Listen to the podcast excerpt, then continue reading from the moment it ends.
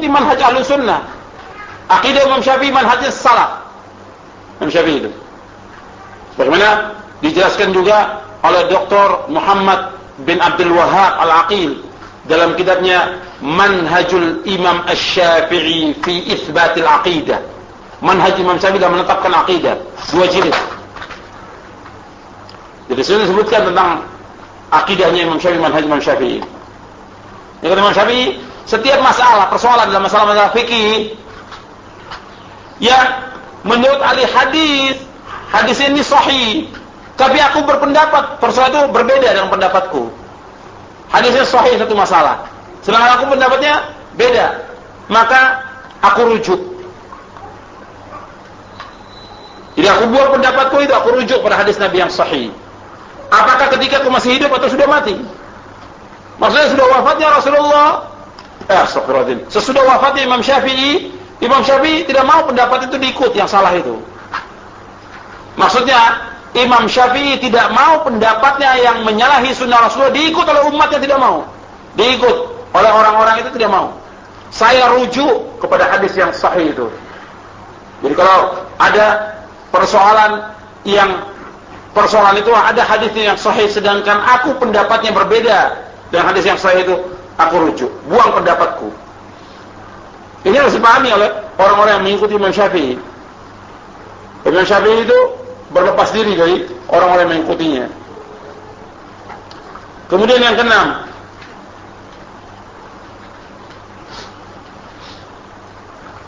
Yang keenam kata Imam Syafi'i idza ra'aitumuni aqulu qawlan wa qad sahha 'anil nabiy sallallahu alaihi wasallam khilafuhu fa'lamu anna aqli qad dhahab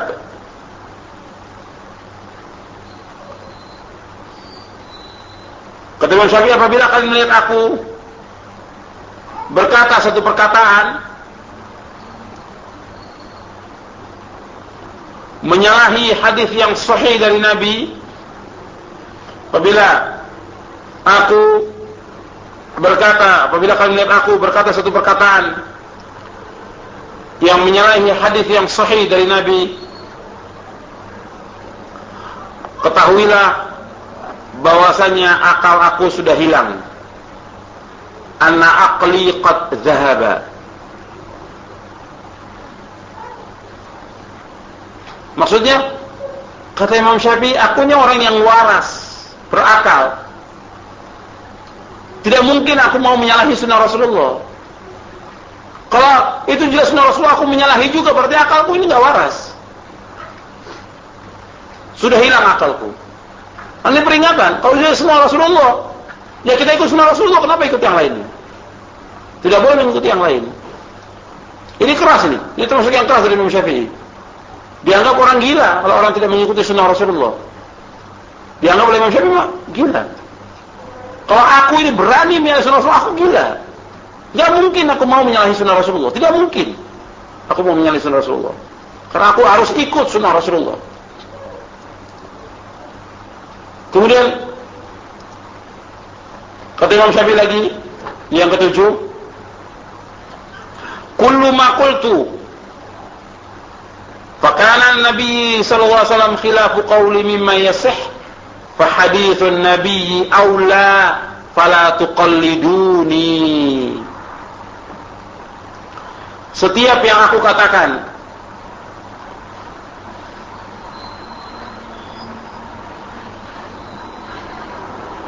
Dan ada hadis Nabi yang sahih menyalahi perkataanku. Setiap yang aku katakan. Dan ada hadis Nabi yang sahih menyalahi perkataanku maka hadis Nabi itu wajib diikuti. Hadis Nabi itu wajib diikuti. Tuan Syafi'i. Hadis Nabi itu wajib diikuti. Janganlah kalian taklid kepadaku fala tuqalliduni. Janganlah kalian taklid kepadaku Jadi setiap apa yang aku katakan dan ada hadis Nabi yang sahih menyalahi perkataanku, maka hadis Nabi itu wajib diikuti. Janganlah kalian taklid kepadaku. Jangan taklid kepadaku.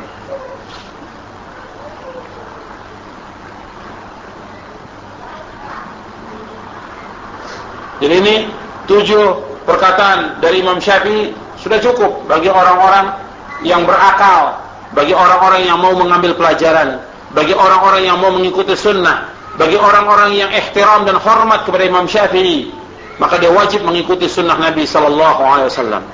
Sebagaimana Imam Syafi'i mengikuti sunnah, maka kita wajib mengikuti sunnah. Dan Imam Syafi'i orang yang paling jauh dari perbuatan bid'ah.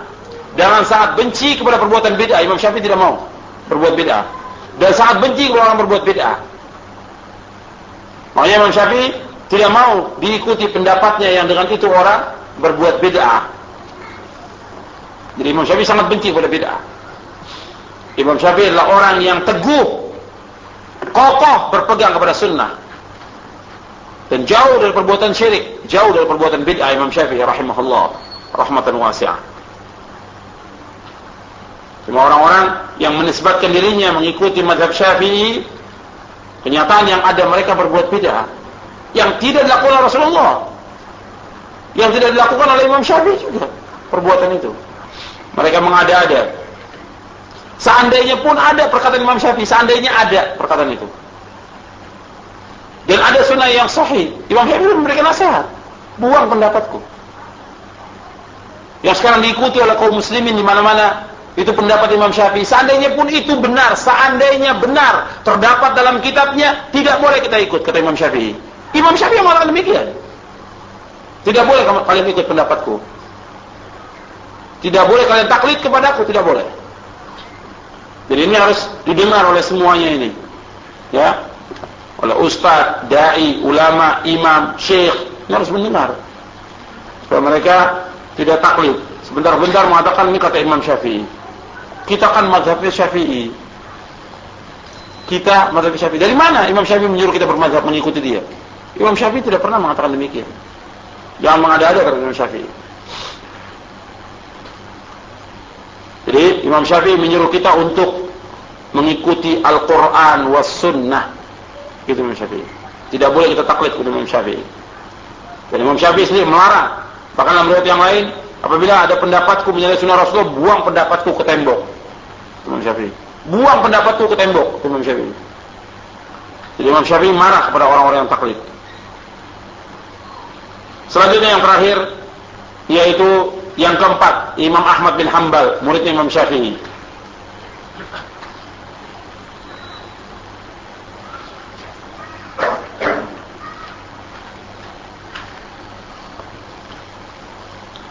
Dikatakan di sini wa amal Imam Ahmad fahuwa aktsarul a'immati jam'an lis-sunnah wa tamassukan biha. Adapun Imam Ahmad yaitu imam yang paling banyak mengumpulkan sunnah dan berpegang kepada sunnah. Dan Imam Ahmad bin Hanbal muridnya Imam Syafi'i. Sampai kata Imam Syafi'i, kalau ada hadis yang sahih, beritahu aku. Yang pertama, penjelasan Imam Ahmad bin Hanbal La tuqallidni wala tuqallid malikan wala tuqallid wala tuqallid malikan wala syafi'iyya wala al-auza'iyya wala tawri wa khudh min haythu akhadhu kata Imam Ahmad bin Hanbal rahimahullah Janganlah kalian taklid kepadaku. Jangan kalian taklid kepadaku.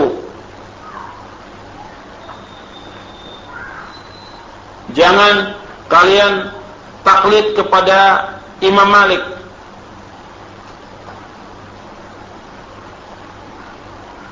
Jangan kalian taklid kepada Imam Malik, Imam Syafi'i, Imam Auza'i dan Imam Sauri.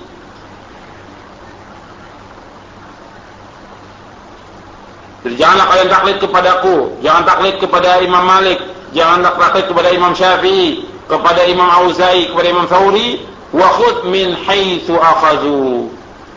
Ambillah dari mana mereka mengambil dalil.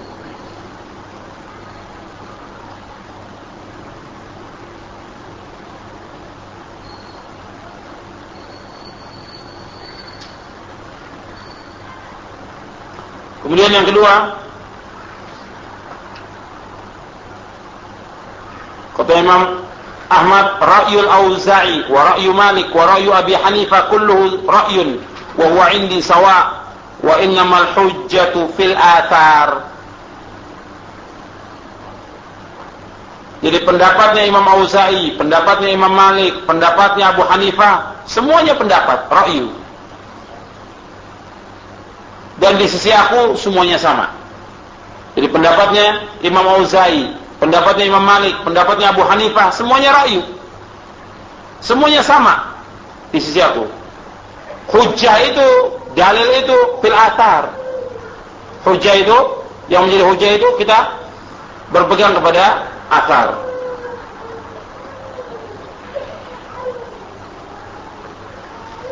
Kemudian yang ketiga, yang terakhir dari pendapat Imam Ahmad, kata Imam Ahmad, man radda hadith Rasulullah sallallahu alaihi wasallam fahuwa ala syafa halakatin. Kata Imam Ahmad, Barang siapa yang menolak hadis Rasulullah sallallahu alaihi wasallam Barang siapa yang menolak hadis Rasulullah sallallahu alaihi wasallam maka ia berada di tepi jurang kebinasaan. Maka ia berada di tepi jurang kebinasaan.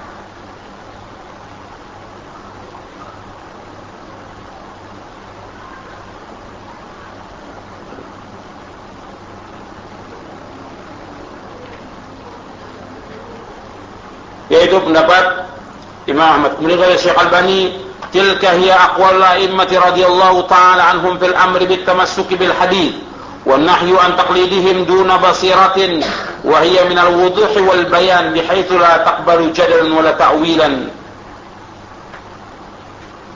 فإن من تمسك بكل ما ثبت في السنة ولو خالف بعض أقوى الأئمة لا يكون مباينا لمذهبهم ولا خارجا عن طريقتهم بل هو متبع لهم جميعا ومتمسك بالعروة الوثقى التي لا انفصام لها.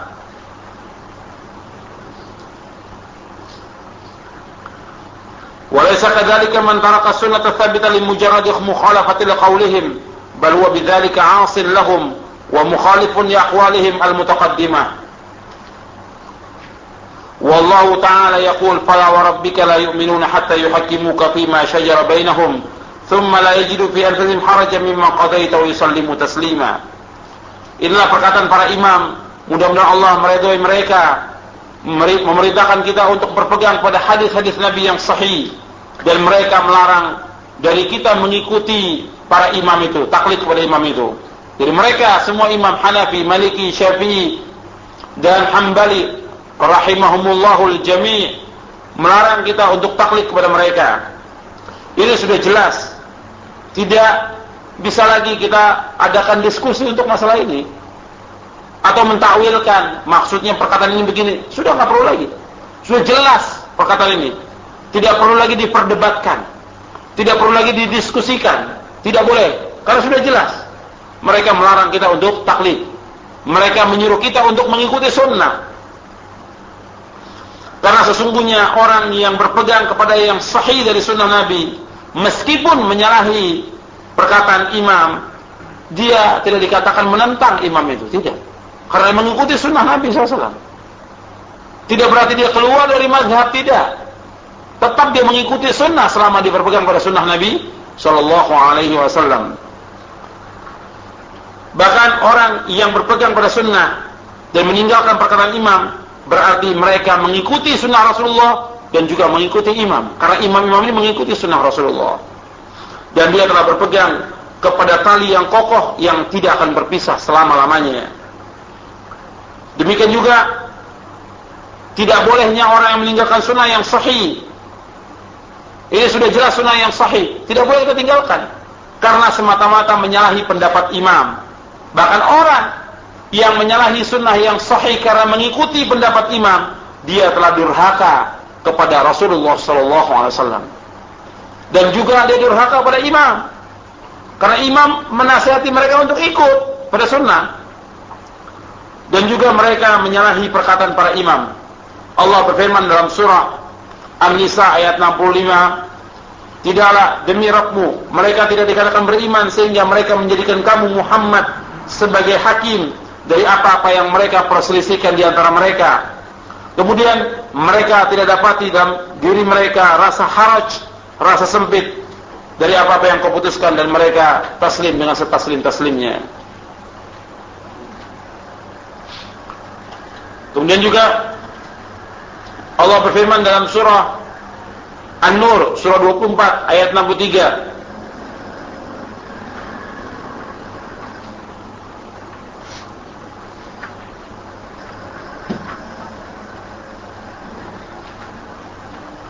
Allah berfirman falyahdharil ladina yukhalifun an amrihi an tusibahum fitnatun aw yusibahum adzabun alim Hendaklah berhati-hati orang-orang yang menyalahi perintahnya. Perintah Rasulullah akan ditimpa fitnah atau ditimpa adab yang pedih.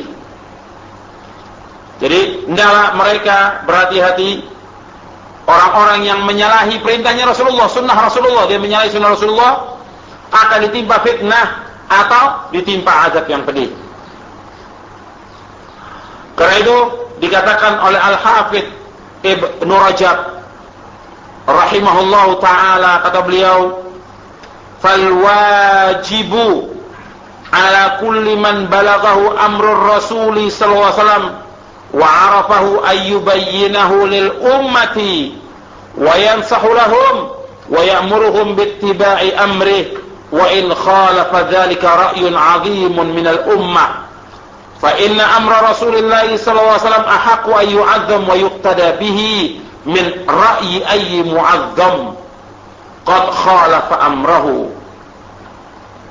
kata Imam Ibn Rajab Al-Hambali rahimahullah wajib atas setiap orang yang sudah sampai sunnah Rasulullah.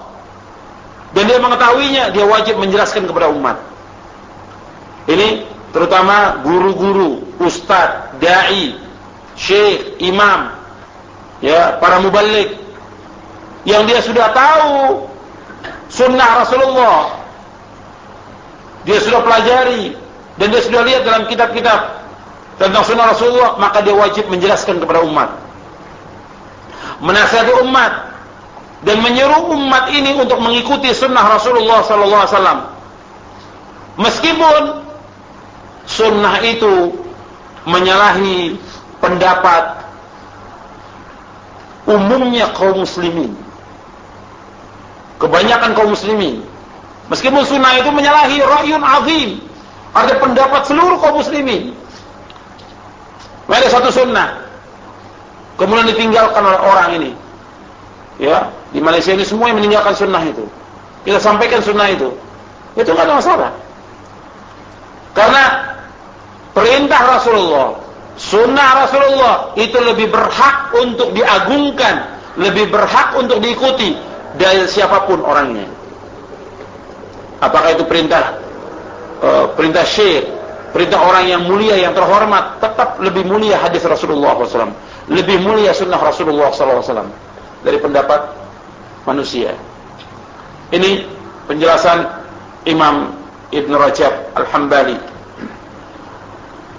Jadi ini tentang perkataan para imam. Dari empat imam saya bacakan ini sebagai peringatan agar kita ini ittiba kepada sunnah Nabi SAW dan para imam menganjurkan kita untuk ittiba kepada sunnah. Dan mereka melarang dari taklid. Jadi mereka melarang tidak boleh taklid kepada imam-imam itu. Kalau kita akan bawakan masalah sholat ini yang jelas dalam masalah sholat ini tentang sifat sholat Nabi banyak menyalahi kebanyakan yang dilakukan oleh kaum muslimin karena sholat mereka bukan berdasarkan dalil ada mereka sholat itu berdasarkan taklid. Ada berdasarkan hadis yang dhaif. Ada juga hadis yang maudhu dan juga mereka melihat kepada kebanyakan orang, bukan kepada dalil. Maka kita sekarang ini belajar tentang sifat salat Nabi berdasarkan dalil. Dan nanti mungkin akan ada orang berkata kok salatnya berbeda. Kok lain? Bukannya kita lain dan bukan berbeda. Kita mengikuti sunnah Nabi SAW. Dan para imam demikian salatnya. Lantas yang dilakukan kebanyakan orang gimana? Ya karena mereka taklid. Atau mereka hanya ikut-ikutan saja, tidak tahu dalilnya. Dari kecil mereka diajarkan seperti itu, ya sudah sampai tua ya seperti itu. Gak pernah mau berubah dan tidak mau belajar. Belajar sifat salat Nabi sebentar hanya beberapa jam saja yang bermanfaat seumur hidup. Sekarang kita bahas yang ketiga yaitu pembahasan kita yang pertama berarti tentang masalah sifat salat Nabi sallallahu alaihi wasallam dari takbir sampai salam.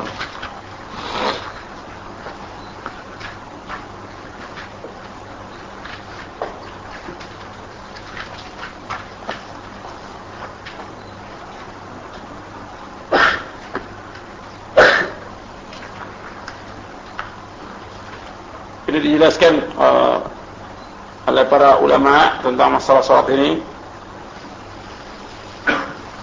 Dibahas tentang rukunnya eh, syaratnya. Antum bisa catat sebelumnya sebelum kita masuk tentang syarat salat yang pertama al-Islam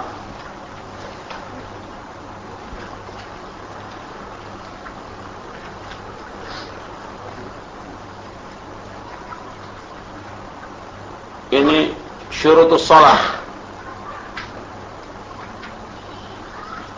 Yang kedua, berakal.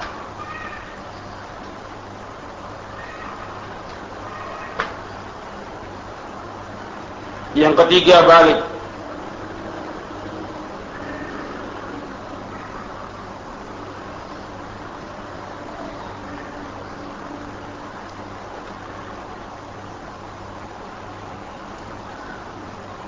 Balik ini juga masih dipersisikan sebab seandainya pun dia belum balik tetap sah sholatnya yang keempat bersuci dari hadas kecil dan hadas besar. Bersuci dari hadas kecil dan hadas besar. Ini yang sebelah sini lampunya dinyalakan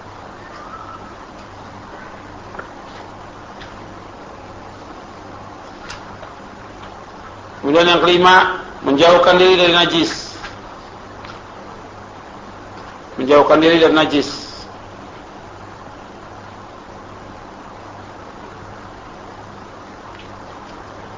Yang keenam, dukhulul waktu. Sudah masuk waktu.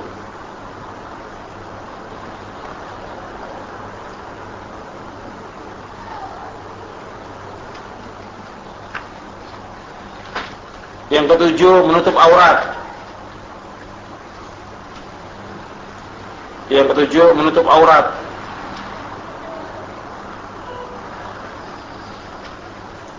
Yang kedelapan niat.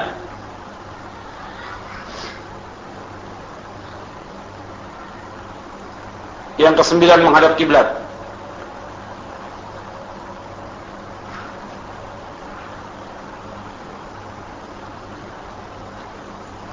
Yaitu sembilan syurutus salat yang disebutkan para ulama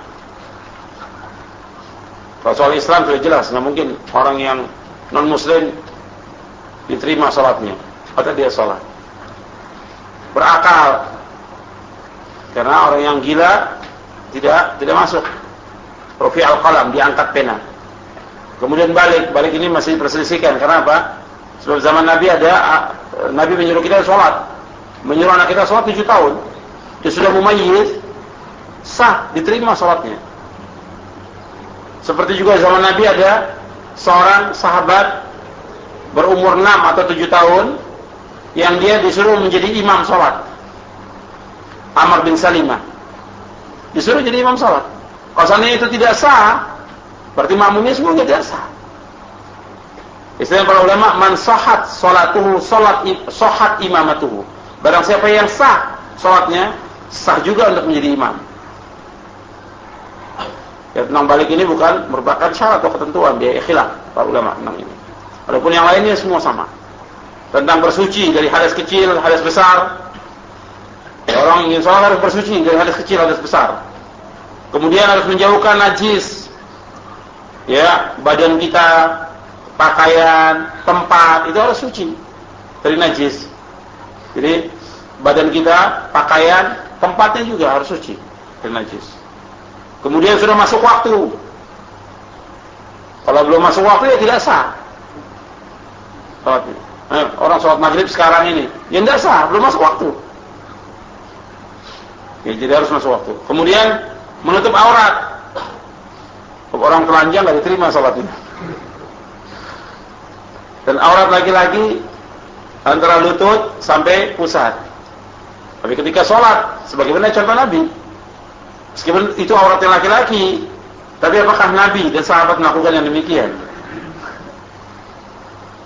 Kecuali kalau ditakdirkan Allah, ditakdirkan Allah, dia di tengah hutan, tidak ada pakaian sama sekali. Cuma hanya itu, dari lutut sampai pusat. Tinggal ditambah satu lagi, yaitu kain di atas pundaknya. Di atas pundaknya ini. Kalau takdir kan nggak punya apa-apa. Tapi kalau di tempat yang biasa seperti itu, semua orang kan mengusir orang itu. Gimana sholat seperti ini? Hatta jangankan untuk sholat, dia masuk ke kantor juga atau kuliah mungkin diusir. Jadi menurut aurat. Kalau untuk perempuan, auratnya seluruh tubuh. Seluruh tubuh wanita itu aurat. Tidak boleh terlihat, melainkan yang boleh terlihat hanya muka dan kedua telapak, telapak tangannya. Tapi kalau dia menutup, memakai cadar, itu yang terbaik. Tapi untuk sholat terbuka mukanya. Dan itu dijelaskan Imam Syafi'i. Ketika sholat terbuka mukanya. Untuk wanita. Jadi semua tubuh wanita itu adalah aurat. Termasuk kakinya. Harus ditutup. Jadi harus pakai kaos kaki. Makanya wanita itu memakai pakaian panjang, isbal, itu tidak ada masalah. Kalau untuk laki tidak boleh haram isbal. Untuk laki tidak boleh, baik dalam sholat maupun di luar sholat. Tidak boleh kainnya, gamisnya atau celananya melewati mata kaki tidak boleh. Hukumnya haram. Untuk laki-laki tidak boleh. Celana, kain atau gamisnya melebihi mata kaki hukumnya haram. Kata Nabi ma'asbala minal ma'asfala minal qa'baini minal izari fapinnar setiap yang melewati mata kaki dari kain itu tempatnya di neraka. Dan hadisnya banyak, bukan satu. Ancaman kepada orang-orang yang memakai kain atau celana atau gamis melebihi mata kaki. Hukumnya haram. Karena dari riwayat Abu Daud itu, ketika ada orang yang isbal musbil, disuruh mengulangi sholatnya. Tapi riwayat ini masih diperselisihkan ini dimasukkan oleh Imam An-Nawawi dalam kitabnya Riyadus Salihin. Jadi untuk laki-laki tidak boleh isbar. Kalau untuk perempuan harus menutup auratnya. Termasuk kaki. Harus tertutup bagi wanita itu. Jadi bisa dia kainnya apa bajunya itu lebih dari mata kaki, bisa juga dia memakai kaos kaki. Tapi harus dia menutup. Karena kaki aurat. Yang boleh terbuka hanya muka dan kedua tapak tangannya. Selanjutnya yang kedelapan yaitu niat. Niat ini juga sebagai syarat. Sebab Nabi bersabda innamal amalu binniyat wa innamal likulli imri'in ma nawa. Sesungguhnya amal-amal itu dilakukan dengan niat dan seorang akan mendapatkan menurut apa yang ia niatkan. Jadi dia akan mendapatkan apa yang niatkan. Jadi kita harus niat. Nah, niat ini tempatnya di mana? Di hati.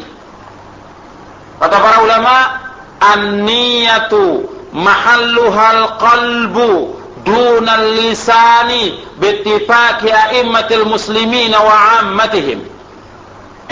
Niat itu tempatnya di hati, bukan di lisan, bukan di mulut.